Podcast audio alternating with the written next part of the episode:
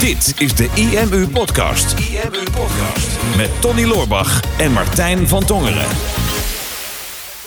Ik zit hier op de bank met de focus-expert van Nederland en tevens auteur van ja, een van de bekendste bestsellers van de afgelopen half jaar. Je ziet hem hier al een klein beetje in beeld staan voor de goede kijker, het boek Focus. Ik zit hier met de auteur Mark Tichelaar. Dankjewel. Mark, welkom. Dank. Dank. Leuk om naar mijn eigen boek te kijken. Ja, ik dacht ik zet even een beetje een passend uitzicht voor je. Ja, nee, eh, te gek. Ja, als je dan op een gegeven moment niet meer naar mij wil kijken, Ja, dan kan je gewoon naar je eigen boek kijken. Ja, dus nou in ieder geval het boek alvast even subtiel onder de aandacht Ja, eh, mooi. gebracht. Maar het is al een bestseller natuurlijk. Ja, het is nu uh, superleuk om te vertellen. Ik heb nu uh, eergisteren gehoord, uh, nee, sorry, vorige week gehoord, dat nu de zevende druk eraan komt. Dus dat de is, zevende druk. Ja, het is in april is verschenen, dus het maar is het tactisch dat je elke keer maar 50 boeken drukt? Of heb je... één per druk. Nee, we gaan nu over de 15.000 heen. Dus dat, is, ja, dat loopt echt supergoed. En er komt nu ook de Engelse editie komt nu aan. En hopelijk wordt dat het springplank naar de andere talen die we op het oog hebben. Dus, ja, uh, snap ik. Dus 15.000 verkopen in hoeveel maanden? Uh, sinds april. Sinds half april. Dus, ja, wauw. Paar dus maandjes. Een paar ja. maandjes. Ja, goed. Want ik kan me inderdaad nog herinneren. We hadden het net ja. voor het interview kort even over. Maar het is leuk om dat nog even mee te nemen. Dat, ja, het is ongeveer een jaar geleden. Hè? Elf, elf maanden geleden. Toen stond ik op het IMU-event om jou aan te kondigen als de volgende spreker. En toen zei ik van, ja, ik heb een boek, dat is een bestseller. Nummer en, één. Nummer één. En Mark wil dat graag, ja, maar hij heeft het nog niet. niet. Ja. Hij, en nu zijn we elf maanden verder. Toen was aangewakkerd van positief manier van, ja, dit wil ik ook. Ja, dat was al langere tijd een ambitie, toch? Ja, ik, ik heb, dit is nu mijn, technisch mijn vijfde boek. Uh, het derde boek wat in de winkels ligt. Want het eerste boek heb ik aan de LOI verkocht. Dus die zijn niet uh, in de bol.com te bestellen bijvoorbeeld. maar het is mijn vijfde boek. En boeken lopen allemaal hartstikke goed, hartstikke leuk. Meerdere talen, echt super trots op. Maar nooit die nummer één positie behaald uh, totdat dit boek kwam. Mhm. Mm -hmm. Dus dat was uh, ja, ook gewoon een persoonlijke eer te na om vol gas, uh, vol focus, haha, hierop te gassen en, en dat te doen. En dat, dat is gelukt, daar ben ik ook enorm blij mee, enorm trots op. Ja, nee, van harte gefeliciteerd. Ja, ik zal niet al te veel focusgrapjes maken. ik ga, ik ga mijn best ligt doen. Ligt het teleur. kan zijn dat dat een beetje mijn ja. natuur is om dat toch te doen. Ja, helemaal goed. Maar, hè, want je wilde dit al een tijd, dus Ja. dat, dat was een wens. Klopt. Uh, maar kan je eens een beetje meenemen in, in, of ons zeg ik, want ik Ja. voel me helemaal één met de kijker, maar hoe dat in zijn werk is gegaan? Want ik weet dat er heel veel mensen zijn die de ambitie hebben om een boek te schrijven. Uh, minstens net zoveel als dat er een ambitie hebben om op nummer één te komen. Ja. Maar het is vaak lastig om het voor elkaar te krijgen Zeker. naast je drukke, druk je werk. Nou, je staat spijker op de kop. Het is zo. Uh, het is een, het is een, het is, uh, ja, je moet echt vol focus. ja, ik zelf ook doen. Maar je moet, als je doet, doe het goed. Want het is waarschijnlijk iets van 6000 uh, businessboeken per jaar.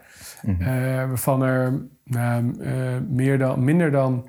Nou, ik, weet, ik weet niet exact de percentage, maar echt super weinig... komen aan een tweede druk toe, bijvoorbeeld, überhaupt. Die komen ja, vrienden, familie en mensen die semi-vrijwillig het boek in handen gedrukt krijgen. Maar dat is het dan een beetje. Dus al, het kost onwijs veel tijd Mhm. om een boek te schrijven. En, en daarmee verlies je dus ook tijdelijk omzet. Dus heel simpel. Ik, ik ben als trainer en lezingen geven en masterclasses geven. Uh, het heeft ongeveer 2,5 jaar geduurd. Niet fulltime, maar 2,5 jaar ben ik met het boek bezig geweest. Wat heel concreet betekent dat ik tegen een aantal opdrachten nee heb moeten zeggen. Mhm. Dus een tijdelijke dip in omzet op, in ieder geval, we werken met meerdere trainers, maar op mijn uh, omzettak, zeg maar. Mhm.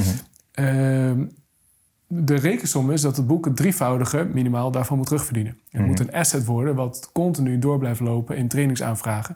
En zo is het boek ook geschreven. Het staat vol met tips. En hopelijk word je zo enthousiast van de inhoud... dat je in de trechter terechtkomt van ik wil meer. Dat is de logica van een, meestal van een businessboek.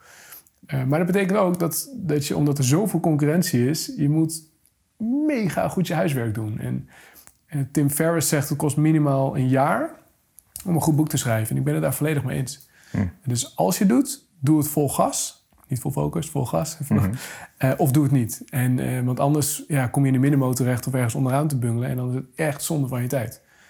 Nou ja, vol gas, je zegt uh, minimaal een jaar. Voor jou Ja. dan 2,5 jaar om een boek te Ja. schrijven. Dat, dat is echt lang. Ja, Uh, als ik het vergelijk met de boeken die ik heb geschreven. De meeste e-books die heb ik allemaal binnen een week geschreven. ja en, dat uh, is uniek. Maar goed, je hebt ook wel heel veel ervaring. Hè? Dus vergeet dat niet. Je hebt, je hebt, je, dit is niet het eerste e-book wat je hebt geschreven. nee, nee, dat is waar. Nou is een e-book natuurlijk iets anders dan een fysiek boek. Hè? Nou, er zit niet heel veel verschil in op zich. Dus eh, het werk is hetzelfde. Ja, vind je dat? Dat er geen verschil tussen zit voor, voor Ja. mensen die dat schrijven? Ja, ja.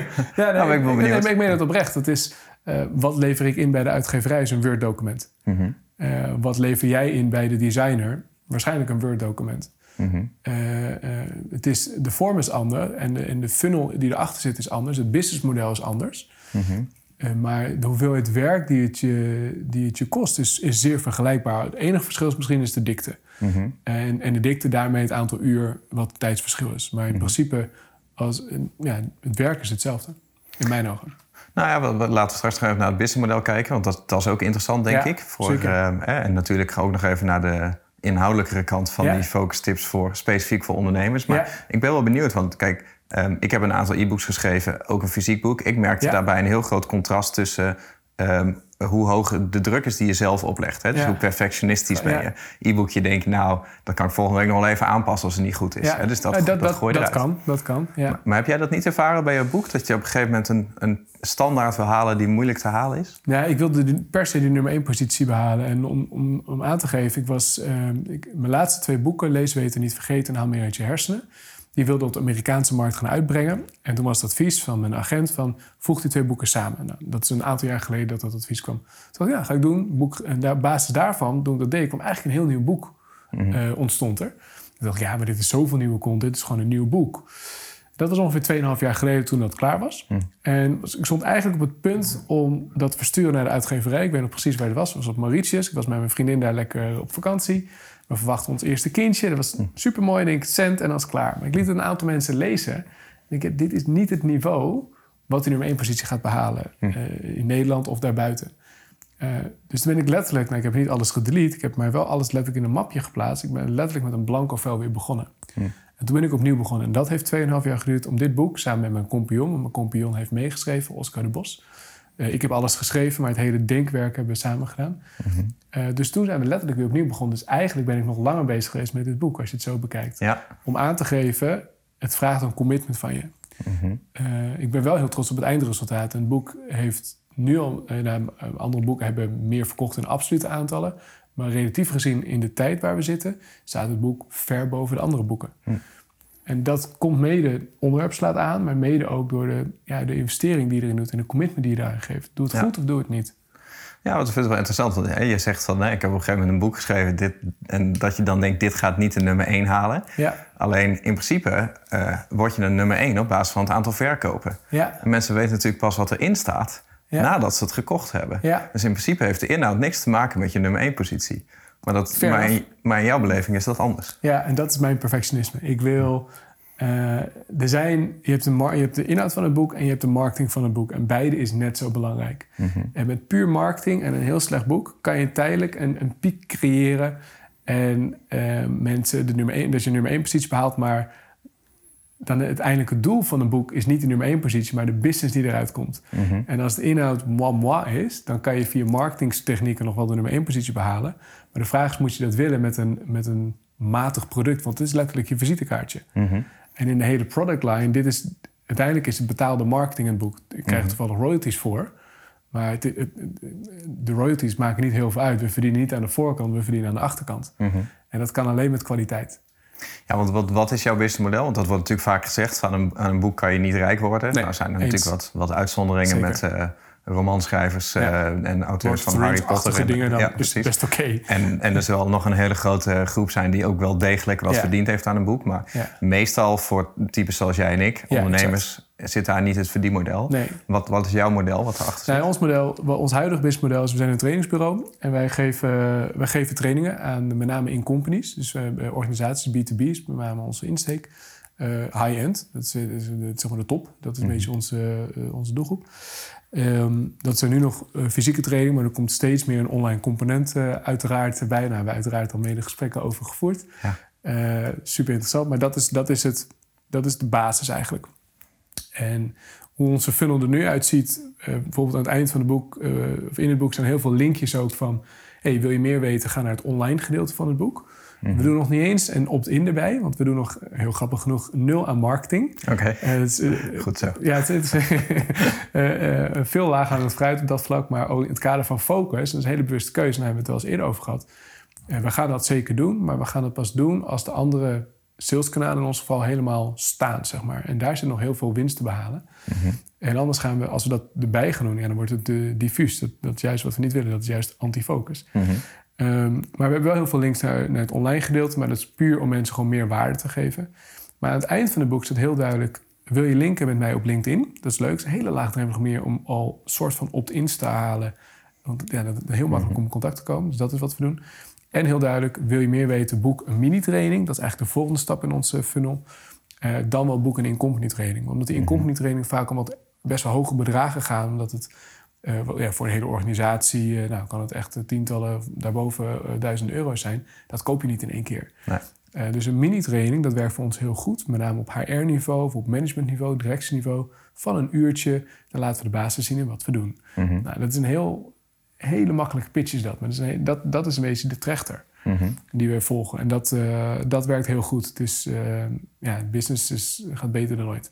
Ja, dus dat, dat is B2B. Eh, Ik neem ja. aan, het boek helpt je natuurlijk aan autoriteit. Ja. Daarom is die nummer één positie ook, ook extra belangrijk. Eens. Uh, zijn, zijn er anders dan nog dingen die jij doet daarvoor? Of wacht je gewoon af tot iemand in een B2B-markt, in een corporate scene, dat boek toevallig leest en jou boekt? Nou, wij doen het ook heel actief. Dus het, het, ja, ja.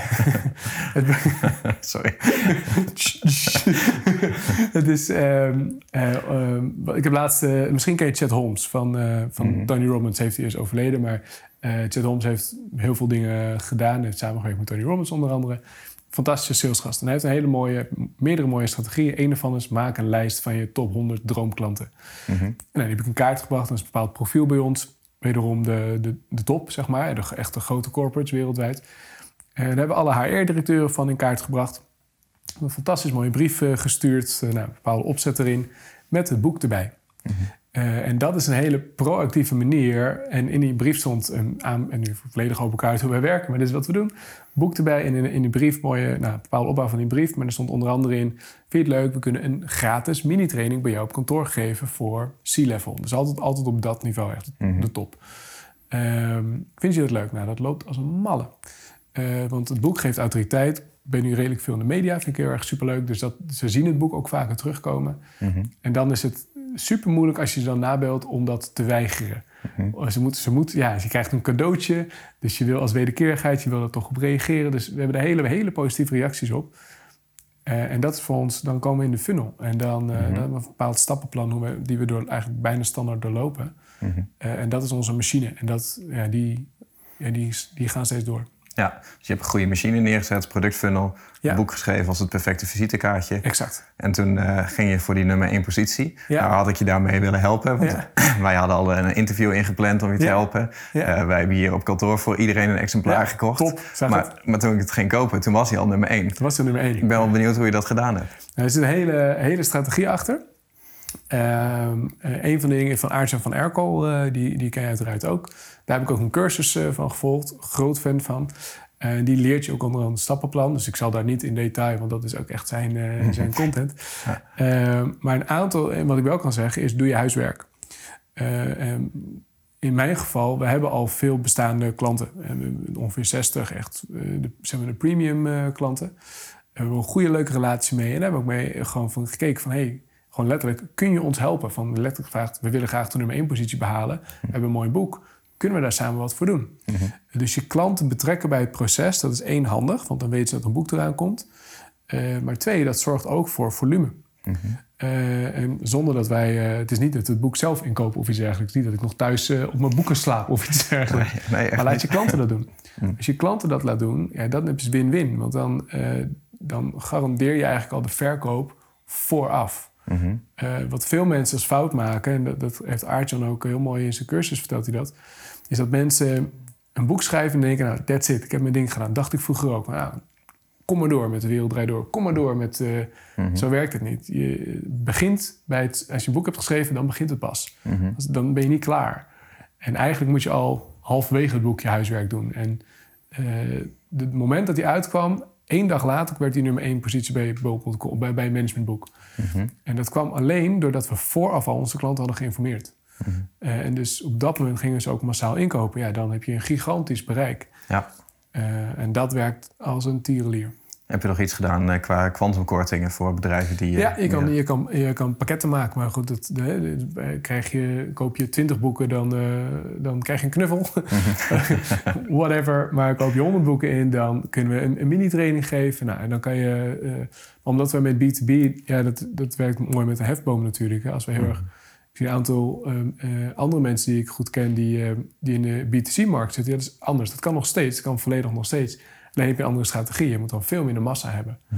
Je bent wel een stuk schaarser dan ik dan. Als je bij 20 boeken alleen maar een knuffel krijgt. Bij mij kreeg je bij 25 boeken een koffiedate koffie, met mij. Ja, maar daar was niet zoveel vraag naar. Hoefde niemand. maar dat was goed geprobeerd. Nee, dat is, het is dezelfde logica. En uh, die, die marketingskant is echt... Het is net zo leuk, maar dat is... Een boek schrijven, het moet een doel hebben. En waar ik ook heel erg in geloof, als je gaat schrijven maak eerst, en ik, ik heb tegen een paar mensen ook aangegeven die er nu mee bezig zijn, maak een Excel-sheet van al je content. Mhm. Eh, of een Word-document, whatever. Gewoon al je content, gewoon op hoofdstukniveau. En, en ga dan kijken per content, wat, welke anekdotes kan je hierover vertellen? Welke oefeningen hoor je bij? Welke, um, verhaal, welke theorie hoort je bij? Dus dat je het specificeert. En elke uh, medium heeft zijn eigen contentvoorkeur. Uh, mm -hmm. dit is leuk voor gesprekken. Als we nu oefeningen zouden doen in de camera, dat, dat past niet in de setting, zeg maar. Of mhm. op, op een podcast, dat past niet in de setting. Uh, maar een gesprek voeren, dat past hier heel goed bij. Dus anekdotes passen hier heel goed bij. En zo mhm. kan je in, in, kaart brengen van, hé, hey, wat ga ik waar vertellen? Mhm. Want als je je boek en de trainingen of je producten die je verkoopt één op één hetzelfde zijn, ja, dat is zonde.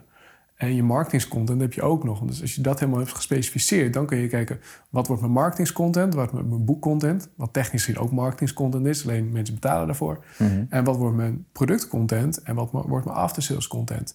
En dan heb je een hele duidelijke onderscheid en dan mag wel een beetje overlap in zitten, dat is niet erg. Maar heb je mhm. ervan een rode draad. En waar wil je, nou dan weet je als geen ander, welke emoties wil je op welk moment laten ervaren. En mhm mensen gaan niet in één keer kopen. Het is, een, is meerdere fases die ze moeten doorlopen. Nou, dat kan je precies in die hele sliert uh, bewerkstelligen. Ja. Ja, ik, het, het, het, het, fijne wat jij doet, uh, is dat je natuurlijk gewoon je, je kennis in boekvorm, dat je dat voor een relatief laag bedrag weg kan zetten. Ja. Omdat jij vervolgens qua trainingen veel en, software kun je veel dieper gaan. Dus dan heb je een toegevoegde waarde. Het boek heeft, heeft dit, zeg maar, qua, qua, qua kennisniveau. En, en het, boek is vooral theoretisch, heel praktisch hoor, maar het is in onze ogen nog steeds heel theoretisch. In de training gaan we heel veel doen en ervaren. Ga je ermee aan de slag en maak je een persoonlijk focusplan. En in de software die erbij hoort, ga je dat allemaal meten. Mhm. En in de coaching creëer je de gedragsverandering. En dat mhm. is onze drieluik. Ja. Uh, training, of het boek, uh, training, coaching. En dat is theorie, doen en, en gedragsverandering. Mhm. En dat is elk medium heeft zijn eigen functie. Ja, en dan komen we meteen al iets meer op jouw onderwerp. Want hè, je, je, hebt het uitgesmeerd over 2,5 jaar. Ik kan me voorstellen dat je een inhoudsopgave op een gegeven moment af hebt. dit gaat het worden. En dan ga je schrijven. Maar hoe hou je dat zeg maar, in je systeem? Of je dat nou in een jaar schrijft of in 2,5 jaar of, of bijvoorbeeld in een maand. En hoe bedoel je dat precies? Nou, hoe, hoe pak je dat praktisch aan? Want ik kan me heel goed voorstellen dat je na die inhoudsopgave... dat het op de plank komt te liggen. Of dat jij na een jaar zoiets hebt van... nou, ik ben al een jaar aan het schrijven, het is nog, niet eens op de helft. Ik, eh, het glijdt weg, hè, dus ik ga het uitstellen. Nou, wat, wat, uh, oké, dus in mijn ogen zijn er twee dingen. Het is uh, één, je krijgt de ideeën voor je boek... of welk of product in, in het algemeen, krijg je op de raarste momenten. Uh, als je onder de douche staat, als je aan het eten bent, als je aan het hardlopen bent, dan, ah, dan komt er ineens het inzicht. Wat doe je er dan mee? Uh, vang dat op. Dus zorg dat je een systeem hebt. Dat kan een notitieboekje zijn, dat kan een app zijn, dat kan whatever, dat maakt niet uit. Maar een systeem waar je allemaal dat opvangt, dat, dat centraliseert. Ik heb bijvoorbeeld één groot document, waar, een kladdocument waar al mijn ideeën in stonden. Er is nog 20.000 woorden lang, best wel bijna, bijna een half boek, mm met allemaal ideeën. Uh, nou, de helft is bagger. Uh, uh, en sommige dingen zijn goed, sommige dingen zijn... Mm. en uiteindelijk ga je daar een beetje in schaven. En dat is een beetje je werkdocument, je inputdocument. Mm Dus dat is, dat is één. En twee, je moet het ook daadwerkelijk inplannen. Mhm. En het hangt een beetje vanaf hoe je schrijft. Maar meestal is het... wat ik heel vaak deed, is themadagen, schrijfdagen. Of mhm. schrijfochtenden, een hele dag vind ik vaak te lang achter mhm. elkaar. En dan moet je daadwerkelijk inplannen. Want als je het een beetje tussendoor gaat doen, dat is het heel erg anti-focus als het ware. Dan ga je heel mhm. erg versnipperd werken. En als je versnipperd werkt, is het moeilijk om de diepte in te duiken. Mhm. En de echte content ontstaat op een wat diepere laag. Als je echt even volledig je kunt afsluiten, zonder telefoon, zonder mensen om je heen. Laat het bezinken, bezinken. Op een gegeven moment kom je letterlijk als een duiker kom je op de bodem terecht. En ja, dit is het, zeg maar. Mhm. Maar als je dan weer onderbroken wordt door een piepje, blingertje of een collega, ja, dan moet je weer naar boven. Dat, Dat is niet fijn. Dus zorg dat je je kunt afzonderen. En dat betekent ook dat je dat business-wise moet regelen. Want je wil niet opdrachten mislopen. Dus heel praktisch, heel simpel. Stel bijvoorbeeld een hele simpele auto-reply in. hey, ik ben aan het schrijven van een nieuw boek. Weet gelijk iedereen dat je daarmee bezig bent. Dan heb je pre-sales-achtige dingen. Dus ik ben tot 12 uur niet bereikbaar. Is het echt super belangrijk? Bel me dan even. Of super urgent moet ik eigenlijk zeggen. Bel me dan even. Dat is heel duidelijk. En dan weet iedereen waar hij aan toe is. Maar dan kan jij wel de diepte in duiken zonder dat je een opdracht mist. Ja. Maar dat soort dingen zijn noodzakelijk in mijn ogen. Ja, want ik denk voor het schrijven van een boek, en dat is langere termijn, maar ik denk sowieso in je werk. Ik denk dat de Eens, me- ja. meeste ondernemers nu al kniediep in je funnel zitten. Van, hè, je hebt, kijk, ondernemers zijn creatieve mensen. Ja, Ehm, andere mensen misschien ook wel, maar ondernemers dat sowieso. echt. Ja. En, ehm, en als ondernemer ben je natuurlijk ook vaak iets meer manager van alles. Hè? Ja. Dus je bent eh, zelf je bedrijf gestart, dus dan Ja. ben je ook letterlijk zowel de CEO als de Ja. koffiejuffrouw. Ja. En hoeveel te groter je bedrijf wordt. Van, ja, je, hebt, je hebt met elke afdeling heb je wel iets. Dus je hebt niet een afgebakende baan. Dus je hebt te maken met heel veel focusversplintering. Nou, je, dat, je staat spijker op zijn kop. En je hebt, je hebt heel veel pet op, je hebt heel veel ballen in de lucht, net hoe je het wil noemen. Mhm. Maar dat is precies wat het is. En dat, is, dat staat haaks op focus. En tegelijkertijd is dat ook de lol. En heel veel mensen zeggen, ja, maar ik vind het lekker dat ik... Dus altijd in beweging, never a dull moment, Ja. eh, lekker druk. eh. Eh, dat is zo. Ja. Maar dat gaat elke keer... De samenvatting eigenlijk van focus of een gebrek aan focus... is in één zin samen te vatten. Als je wisselt, ben je af. Elke keer dat je wisselt met je aandacht, betaal je daar een prijs voor. Een aandachtresidu, nou, bij jou misschien een bekende term. Ja. Ehm, en aandachtresidu houdt concreet in dat je letterlijk minder van je IQ-punten tot je beschikking hebt. Je bent tijdelijk een stukje dommer. Daar herstel je weer van. Dat duurt ongeveer een minuutje minimaal. Het kan een kwartier duren in het ergere geval. Maar dat is de, dat is de situatie. Concreet houdt het dus in, als je dus continu tik, tik, tik, tik, tik aan het doen bent, ben je dus heel erg versplinterd, heel erg versnipperd en daardoor een gebrek aan focus en daardoor ook letterlijk minder slim, ben je trager, maak je meer fouten. Als je meer focus wilt hebben in je onderneming, als ondernemer, als persoon, zorg dat je minder wisselt op een dag. En dat kan je op heel veel verschillende niveaus bekijken. En dat kan je op individueel niveau kijken, van hoe je je dag indeelt. Dan kun je ook kijken op organisatieniveau. En dat vind ik ook super tof om het hier nu ook over te hebben daarover. Van ja, wat focus voor ondernemers, hoe richt jij je bedrijf in? Als jij honderd verschillende producten hebt om het te overdrijven, ja, dan per definitie ben je honderd keer aan het wisselen. Ehm, afhankelijk van even hoe je het inricht, maar even om het simpel uit te leggen. Ja. En ehm, eh, als je kijkt naar Apple, nou, in de tijden dat het helemaal niet goed ging, zei Steve Jobs: mazzel, we gaan de helft, nog dan wel niet meer. Al die producten die zelfs omzet opleveren, dat is het, dat is het spannende, gaan we killen, want dat is niet de kern. De kern is de Macintosh. We gaan één ding doen en daar gaan we de beste in zijn. Dat betekent dus nee zeggen. Ook tegen omzet, ook tegen mensen, tegen klanten, tegen producten die ook superleuk zijn. Eh, maar wat, en anders ben ik misschien te veel aan het ratelen, maar het laatste wat ik erover wil zeggen. Al lekker is, eh, verder. is eh, wat Tim Ferriss heel mooi en terecht aangeeft. Wat je doet, is vele malen belangrijker dan hoe je het doet. Succes wordt tegenwoordig veel meer betaald, bepaald door wat je niet doet dan door wat je wel doet. Als, je het, als je tegen jezelf zegt, wat ondernemers, in ieder geval herken ik heel erg bij mezelf vroeger, van is dit een tof project? Is het antwoord meestal ja. Gaat het omzet opleveren? Ja, het kan wel echt omzet opleveren. Maar het antwoord op de vraag, is dit een goed project, is een hele gevaarlijke. Want dan creëer je heel veel ja's en dan gaan pro- projecten zich stapelen. En hoe meer ze zich stapelen, hoe meer verschillende dingen je mee bezig bent, hoe meer je aan het wisselen bent en hoe meer je van die negatieve gevolgen hebt. Trager, slomer, meer fouten, lagere productie, meer stress, al die dingen. Ja. Het is veel effectiever om jezelf de vraag te stellen: welke van deze ideeën, want als die ondernemer krijgt nu een, een shitload aan nieuwe ideeën per dag, eh welk van deze ideeën is het beste? En een van de mooiste dingen dat Tim Ferriss ook aankaart, eh, David Allen heeft over, Tony Crabb van Bissy heeft het daarover, ik ben er een groot fan van, is zorg dat je een parkeerlijst hebt. Een not-to-do-list. Eh, begin daarmee. En het is een super vet idee, ik parkeer hem heel even. Gaan we doen, maar niet nu. En dat is kracht, dat is nee zeggen, dat is focus. En dat Ja. is hetzelfde als topsport. Als Mark Tuit het zegt, nou, weet je wat, nou, in zijn carrière toen nog van schaatser... Ja, ik wil ook voetballer zijn. Ik wil ook eh, in tijden, terwijl ik me bezig ben... ook verdiepen in hartchirurgie. En, Ja. en dan kan je nooit de beste zijn. Hij heeft Nee. tegen heel veel dingen nee gezegd. Extreem Nou, leven. Sterker nog, in het geval van Mark Tuitert, hij was natuurlijk een mooi voorbeeld. Hij was, hij was een allrounder. Ik Ja. ben best wel een diehard schaatsfan. Check. En, Ja. eh, en hij werd zowaar Europees kampioen allround. Alleen omdat daarna had hij wat, wat uitdagingen, ging het minder. Dus op een gegeven moment is hij helemaal gaan toeleggen Op alleen die 1500 meter. Precies, ja. En daar won hij inderdaad Olympisch goud op. Ja, en dat is focus. Ja. Focus gaat om nee zeggen. En dat is niet altijd leuk. Eh, een, eh, eh, niet een keuze maken is heel lekker. Het is heel veilig. Ja, maar dit kan wellicht nog wel omzet gaan opleveren. Dit kan wellicht heel leuk gaan zijn. Maar dat staat haaks op focus en daarmee op vaak onvoldoening. Omdat je heel versnipperd bezig bent. Je bent vooral druk, maar niet productief. Ja, maar daar zit natuurlijk, daar zit natuurlijk een stukje verliesaversie bij. Hè? Dus, dus je gaat iets kwijtraken. Wij noemen dat intern ook wel eens het probleem van potentie. Ja. En, en dat heb je met, nice. ja, met, mooi. Ja, met producten. Hè. We hebben tien producten. Ze hebben allemaal potentie. Ja. Dus als we er nu... Ja, het is heel, heel risicovol om er eentje weg te halen. Want stel dat dat nou... Nou ja, je, je, klopt. En, en je verliest zeg maar in principe de, de volledige potentie van dat product. Terwijl je dat in je hoofd...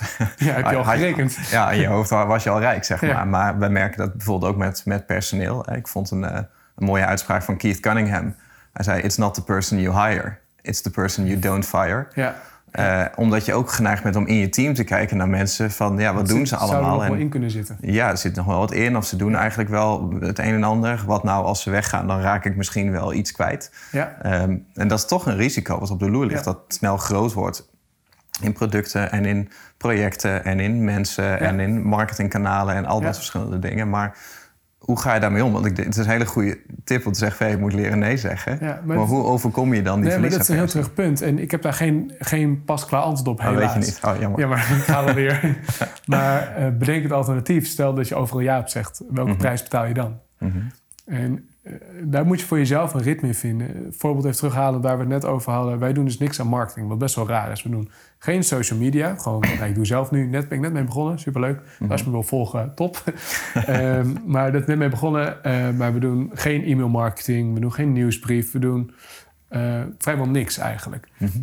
Dat is best wel raar eigenlijk in deze tijd. Maar tegelijkertijd, we gaan daar zeker mee starten.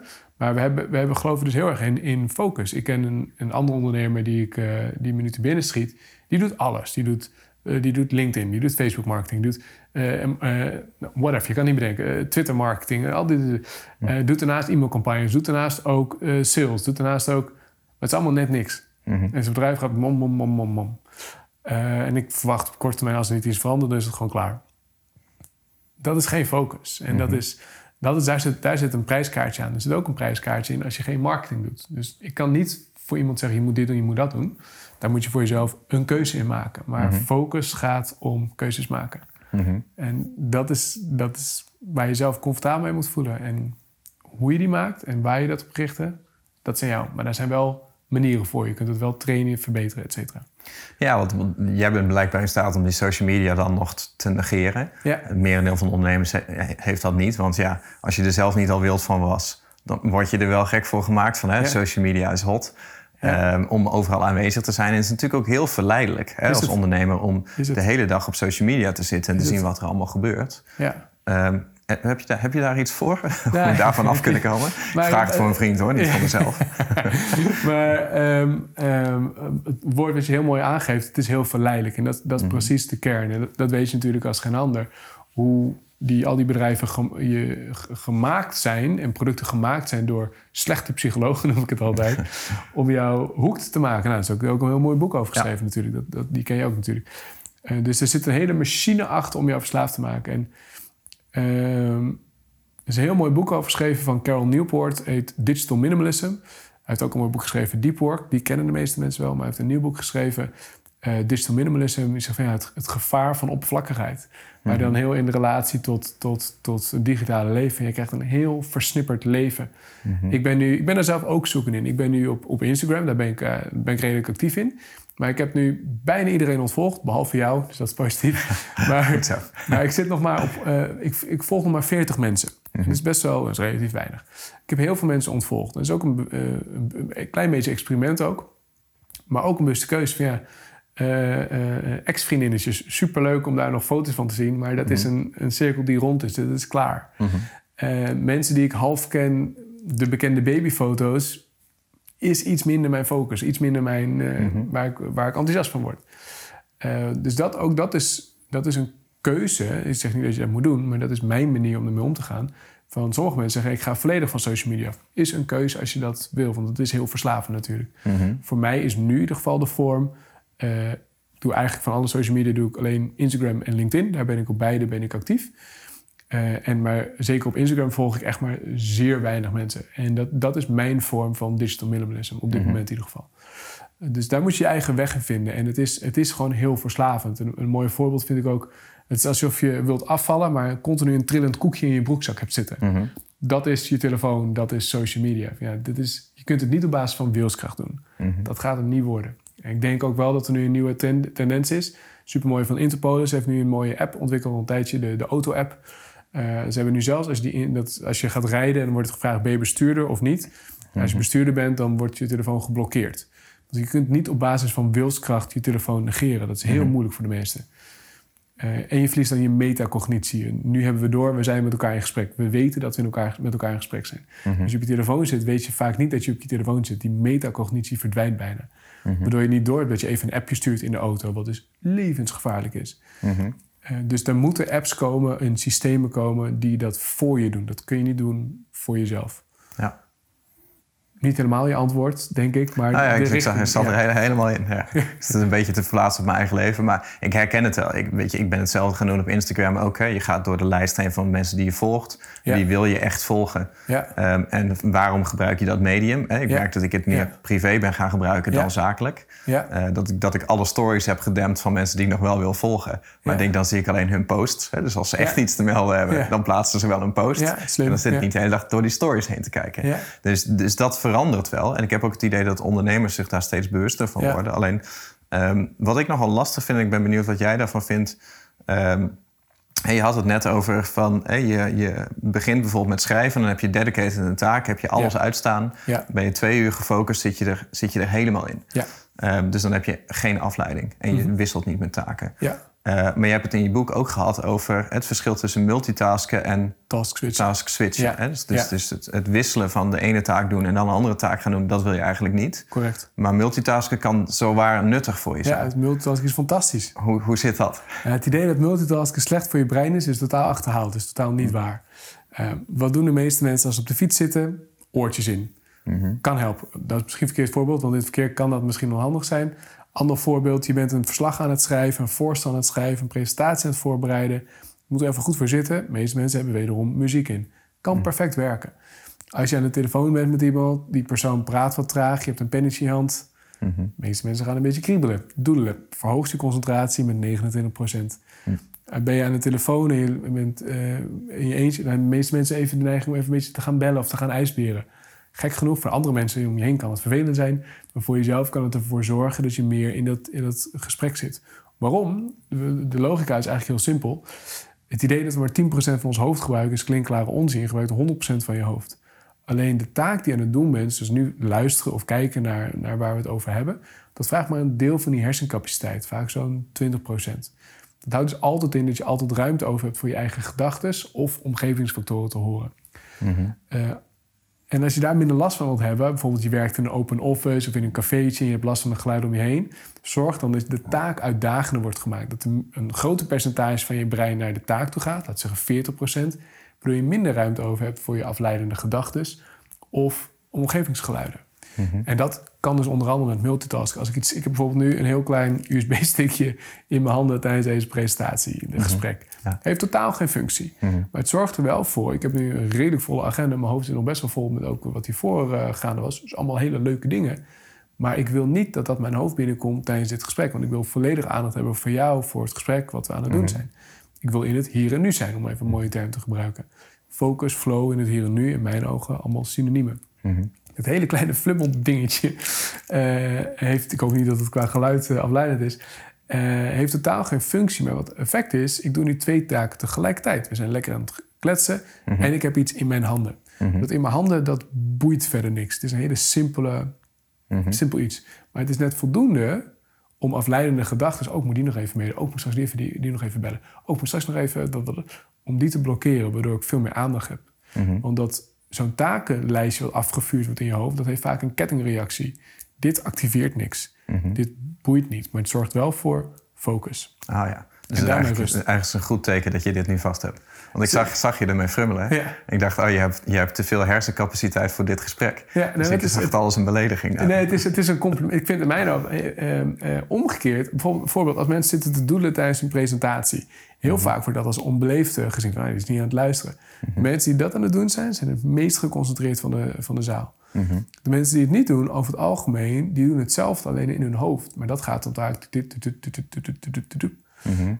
En zo'n doodle of dit, dit activeert niks. Dus, Nou ja, het is vergelijkbaar met... Hè, we zeggen natuurlijk wel eens... het lichaam is trager dan de geest. Ja. En uh, ik had het er laatst met, uh, met Albert Zonneveld over Ja. tijdens een podcast. Ja. En het hadden we daar, hij had ook een mooi voorbeeld. Hij zei, hè, als jij nou volgende week op vakantie gaat naar, noem maar iets. Wij gaan dan met het hele team naar Athene volgende week. gek. Dat, ja, superleuk. Ja, laten we het daar over goed. Ja, dat. Ja, ja, de week daarna gaan we naar Oktoberfest. Dat is, Ah, dat nog gek, mooi, man. ja. Dat is leuk. Maar, Echt eh, mooi ik, dat doen. ja, maar ik kan in mijn hoofd nu al in Athene zijn. Ja, snap ik. Maar ik moet mijn lichaam daar nog naartoe verplaatsen. En Ja. mijn lichaam moet door een bepaalde weerstand heen. Ja. Dus dat gaat altijd, altijd langzamer. Ja. En eh, omdat daar een, een verschil tussen zit... eh, loop je natuurlijk het risico dat je op een gegeven moment stagneert. Hè? Of dat je aandacht afgeleid wordt. Exact. Ja, Eh, dat is wat jij bedoelt met eigenlijk die aandacht opvullen. ja exact. Precies dat. En, Maar, maar hoe zie je dat dan met ehm, zeg maar de, de verleiding van social media? Want je zou Ja. niet willen zeggen, als je aan het werk bent... zet je Facebook en je Instagram open Nee, om de nee, hele tijd om te Nee, maar dat is een heel terecht punt. Het, hetgeen wat je aan het doen bent, dus dit, dit, dit boeit niet, zeg maar. Dit is, Mhm. is heel raar. Als ik tijdens het gesprek op mijn telefoon zou zitten, zou boeit. raar worden. Eh gebeurt wel eens natuurlijk, als mensen denken heel onbeleefd als dat gebeurt. Ehm, maar het verschil wat je heel terecht aangeeft, multitasken, task switchen. Multitasken is twee dingen op exact hetzelfde moment doen. Waarbij de hoofdtaak belangrijk is, het gesprek. En hetgeen wat je daarnaast doet, een hele simpele kleine activiteit is. Wandelen, lopen, muziek luisteren of iets kleins in je handen houden. Eh, als ik hiermee ga in de lucht ga gooien en dat steeds probeer op te vangen... en mijn bewuste aandacht gaat er dan steeds naartoe... dan ben je aan het wisselen met je aandacht. En dat heet dan task switching. En wederom, elke keer als je wisselt, ben je af. Dus als ik dat zou doen, als ik hiermee zou gaan jongleren bij spreken... super weird, ga ik niet doen, maar stel dat... dan, dan gaat het ten koste van de kwaliteit van het gesprek. En dat is het verschil tussen multitasken en task. Dus multitasken werkt zolang uit een hele simpele kleine taak daarnaast is. En terugkomend op social media...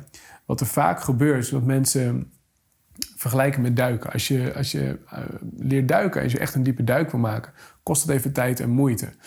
Eh, als je continu onderbroken wordt, zegt, als zegt de, de, de bootmaster met die aan het duiken bent, zegt ja, we, het weer kan omslaan, we kunnen elk moment weggaan. Omdat eh, als je een diepe duik maakt, moet je. Duik je eigenlijk? Weet ik niet. Nee? Ja, jammer. Dat zou uitstaan. Check, niet doen. Eh, eh, maar als je leert duiken, dan heb je die safety stops. Dan moet je, als je een diepe duik hebt gemaakt, kan je niet in één keer omhoog. Je moet, je moet even pauzeren halverwege om gezond naar boven te kunnen gaan. Dat houdt heel concreet in als je snel naar boven zou moeten gaan, omdat de bootmaster dat zegt, dan moet je per definitie aan de oppervlakte blijven hangen. En, en dat is de relatie ook met, eh, met Instagram, Facebook en dat soort dingen. Als je niet full focus kunt werken, omdat je heel erg snap, het haps, hapsnap onderbroken wordt door collega's of door andere dingen, dan blijf je je bezighouden met wat simpelere taken. En als je je bezighoudt met simpelere taken, dan blijf je aan de oppervlakte. Dan ben je heel gevoelig voor Facebook, Instagram, et cetera.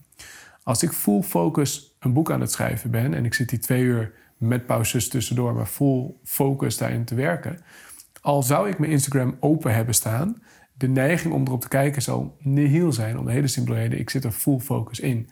En dat kennen we waarschijnlijk allemaal wel als je een heel goed boek hebt of een hele goede film zit te kijken. Echt een super vette film. Ehm, dan zit je er zo in, dan, ja, dan, dan gebeurt niet zoveel. Is de film heel erg saai? Ja, dan hebben heel veel mensen de neiging om hun telefoon erbij te pakken. En dat is het verschil. Ja, ja nee, ik herken het wel. Kijk, ik, ik duik dan niet. Zwemmen in het geld natuurlijk. Maar thuis heb ik ook zo'n kluis gebouwd, net als Dagobert. Maar, Top. nee, dat is maar, eh, nee, ik herken het principe wel van eh, eh, ook in je werk duiken. Alleen ehm, wat ik heel herkenbaar vind, is dat zeg maar, de, de diepte van je denken. Die houdt natuurlijk heel nauw verband met de intensiteit van je concentratie. Eens. Eens. Dit is de essentie. Ja. Alle- alleen, oh, wat fijn dat ik dat kan Ja, samenvatten. Dan. Ja, nee, Jij hebt er veel langer voor nodig. Ja, tweeënhalf jaar. Ja, nou ja, het is ook geen wedstrijd. Hè? Het is in ieder geval niet close. Maar, maar alleen wat ik dan merk is dat zeg maar, eh, bijvoorbeeld met social media... en net wat je zegt, als je daarmee bezig bent... dan blijf je heel erg op de oppervlakte. Ja. En dan hou je jezelf eigenlijk kunstmatig dom, om het Ja. zo maar te noemen. Ja. Maar wat ik daarbij merk, dat, en dat is misschien iets extra's... van dat vaak angstig is om die diepte in te gaan. Hè? Dat als ik de angst heb om diep te gaan duiken...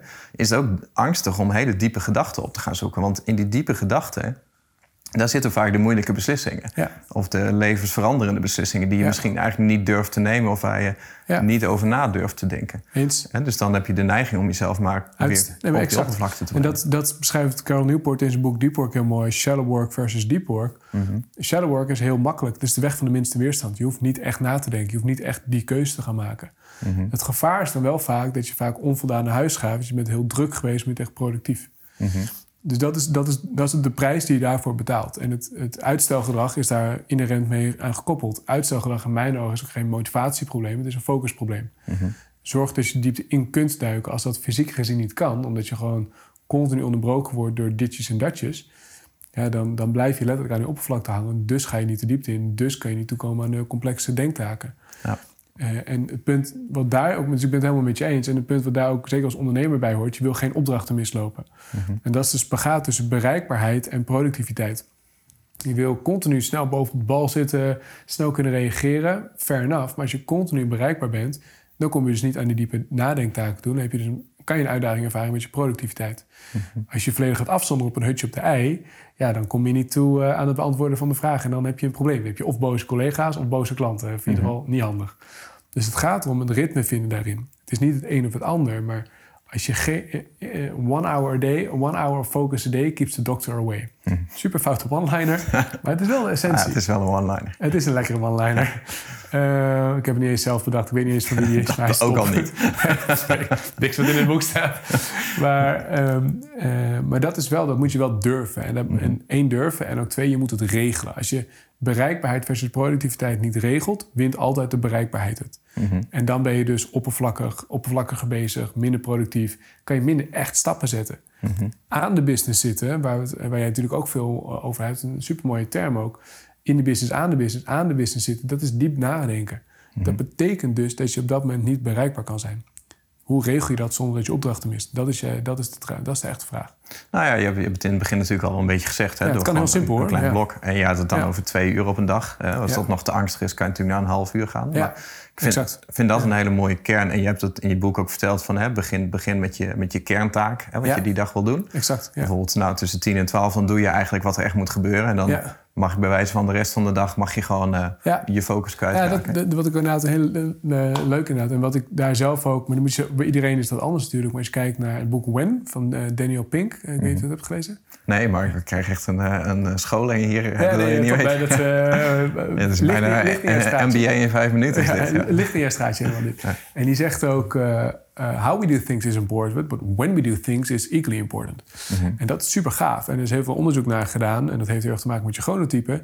Ben je een ochtendmens, ben je een avondmens? De meeste mensen denken dat ze niet een ochtendmens zijn... terwijl de meerderheid het absoluut wel is. Dat is heel Mhm. grappig. Daar kan je gewoon testjes voor doen. Ehm, maar dus als je dan kijkt naar de, de, de effect- meest effectieve dagindeling... je hebt niet focus, eh, eh, is niet eh, ehm, gelijkmatig verdeeld over de dag. Er zit een piek en een, en, een, en een absoluut dal in.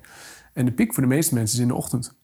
Dus in de ochtend eh, beginnen aan de meest moeilijke taken is het beste. De meeste mensen hebben de neiging om te beginnen met wat simpelere taken. Even wat simpele klusjes wegtikken, even wat dingetjes doen om in de flow te komen. Dan heb je al je kruid al verschoten. Dus het is veel effectiever om begin inderdaad met de top drie belangrijkste taken... of dat ene lastige grote project wat je al een tijdje uitzet. Doe dat eerst. Eat the frog, hè, wat ook natuurlijk een bekend is. Het zit allemaal op hetzelfde, sluit dat, eh, sluit dat aan. Doe het, doe het moeilijkste denkwerk eerst. Voor mezelf heb ik de regel... als ik een kantoordag heb, werk ik tot twee uur full focus. En full focus houdt zeker in pauzeren. Dus niet in één keer doorrammen, dat werkt niet. Tot twee uur werk ik full focus. En na twee uur doe ik de wat eenvoudigere dingen. Eh, dus als ik afspraken heb, probeer ik dat altijd wat later op de dag te doen. Ja, Vanda- vandaar dat het nu al einde van de ik middag is. maar ehm, dit, is- dit, dit, is, dit is leuk. Dit kost weinig inspanning. Dit, Mhm. Ja. is, dit, is, dit, is, super- maar dit kost niet heel veel inspanning ons beiden. Nee, maar het voordeel van, hè, om het hier maar op te betrekken... dit is iets waarvan je denkt van dit gaat sowieso gebeuren. Ja. Of jij je kop en of of niet. Want je hebt een afspraak met iemand anders gemaakt. Dat geldt voor mij net zo. Ja, En je weet dat als dit helemaal gaat, dat je toch... Hè, dit, dit is jouw ding. Hè, dus je kan je vrij energie... we hebben eh, dit niet voorbereid allebei. En, dat Nee, is, en, dat, en, dat, en we kennen elkaar, dus dat, dat gaat gewoon heel relaxed. En dat is, dat is dus niet...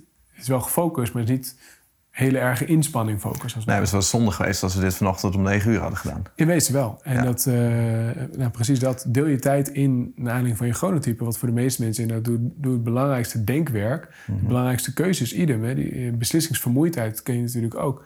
Op een dag neemt je vaardigheid om de juiste keuzes te maken neemt, neemt af. Mhm. Neem de pittigste keuzes in de ochtend, niet in de middag of in de avond. Ja. Dus je wil eigenlijk ook kijken naar de taken die je gepland hebt op een dag. Van, hè, welke van deze taken gaan sowieso wel gebeuren? Of ik er nou energie voor heb of niet. Exact. Doe die dan aan het einde van de dag. Ja, en zeker doe je als, toch er- nog wel. zeker als het wat, wat minder denkenwerk eh, vraagt. Dat is dan nog een, eh, ja, zeker belangrijk. Ja, gaaf. Een heleboel geleerd Ja, over focus. Ik heb nog wel één vraag voor je, de laatste, laatste vraag. Maar we hebben echt een spoedcursus focus Ja, gekregen. ja, en een spoedcursus boek op nummer 1 krijgen. Super gaaf om daar ook een keer naar te kijken. Maar, en je hebt een aantal eh, gewoontes gedeeld. Eh, ik weet dat je de laatste tijd weer druk bezig bent met het aanleren van allemaal nieuwe gewoontes. Ik zag je drinkt nou elke ochtend een, Green een green juice. Ja, green juice. Ja, Ja, kleine tip van mij. Doe dat door een smoothie in plaats van dat los op te drinken. het, het is pittig inderdaad, dus check. Maar ik drink het ook elke dag, maar bij mij Tof. gaat hij door de smoothie. Top, proef er niks van. Cool. Eh, je bent gaan, eh, gaan koud douchen, volgens mij elke ochtend. Ja, Wat, wat, wat is jouw favoriete gewoonte die je Eh, het jezelf wordt simpele aangeleerd? is dat koud douchen. Dat is eh, Wim Hof methode. Nou, die, daar weet je natuurlijk alles van. We zitten heel erg in hetzelfde. Ja. We hadden het interview ook al alleen kunnen doen. Maar waar ik heel erg in geloof, als je, als je het over focus op een wat groter niveau. eh heet tijd geleden mocht ik een TED-talk geven op Curaçao. Vond ik echt te gek. En dan werd ik gecoacht door een TEDx-coach. Hier in Amsterdam toevallig. Dat was weer handig. en ik dacht eigenlijk, nou, heel arrogant. Ja, ik geef al heel lang trainingen. Dit heb ik niet echt nodig. Nou, eh, I couldn't be more wrong, zeg maar. Zij, wel, zij is fantastisch. Jessica Lynch. Als je ooit een presentatiecoach nodig hebt, vind haar. Eh, zij is supergoed. En ehm, wat ik van haar heb eh, geleerd is hoe, hoe more, more focus leads to a better life. En dat vind ik, dat vind ik een hele mooie, mooie zin die in mijn ogen heel veel dingen samenvat. More focus het gaat verder dan alleen kunnen focussen tijdens gesprekken. Kunnen focussen op je werk. Het gaat erover hoe wil je je leven leiden. En waar ik sinds kort inderdaad eh, nu een maandje ongeveer mee bezig ben, is en persoonlijke ontwikkeling is de gemeenschappelijke deler, denk ik hier allemaal. Mhm. Eh, hoe werkt focus in een ideaal leven creëren voor jezelf? En wat, wat dat voor jou dan ook mag zijn. Mhm. En waar ik nu mee bezig ben, is dat elke week een nieuwe habit integreren. Mhm. En vijf of zeven dagen voor een nieuwe habit is natuurlijk veel te weinig om echt eigen te maken. Dus ik doe het vaak eh, een pittige habit, dan een simpele habit, pittige habit, simpele habit. Dat het een beetje zo opbouwt. En nu allemaal is dat gericht op een ochtendroutine. Dus het is allemaal, het is allemaal los, eh, allemaal bij elkaar. Maar één habit per week, dat is zo simpel om te doen. Dat, dat die green juice drinken, dat is zo, zo simpel als je alleen dat hoeft te doen. Als ik daarnaast ook nog wil opdrukken elke dag. Daarnaast ook nog wil mediteren. Daarnaast ook nog koud douchen wil integreren. Dat is veel te veel. Dat is, dat is overwhelming.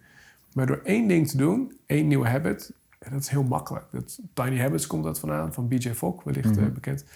Eén ding, simpel, makkelijk, en dat aan elkaar haken, opbouwen, stapelen van, van habits. Daar geloof ik heel erg in. Ook dat is focus. More focus leads to a better life. In mijn ogen is dat de essentie. Mhm. Dus elke week een nieuwe gewoonte. Ja. Dat is jouw favoriete gewoonte. Dat je dat die is mijn gewoonte favoriete hebt. gewoonte. Ja, maar dat is de, de only habit that you need is één habit per week opbouwen. Dankjewel, Mark, voor je wijze lessen. Te gek om dit zo te doen. Leuk. IMU Podcast. Super tof dat je hebt geluisterd naar de IMU podcast. Ik hoop dat je dit waardevol vond en dat je er inzichten uit hebt kunnen halen voor jezelf en voor je eigen business. Vond je dit nou een waardevolle podcast, dan zouden Tony en ik het heel erg waarderen als je dat zou willen delen. Enerzijds door dat bijvoorbeeld te delen via je eigen Instagram of via LinkedIn. Door een screenshot te maken van je telefoonscherm en ons daar even in te taggen. Maar wat we nog meer zouden waarderen is als je de tijd en moeite zou willen nemen om een review achter te laten. Werk je met een Apple-telefoon, dan kan je dat doen binnen je eigen podcast-app door daar een review te geven. Geef ons een x aantal sterren met daarbij een korte motivatie wat je van onze podcast vindt. Zouden we echt enorm waarderen als je die tijd zou willen nemen.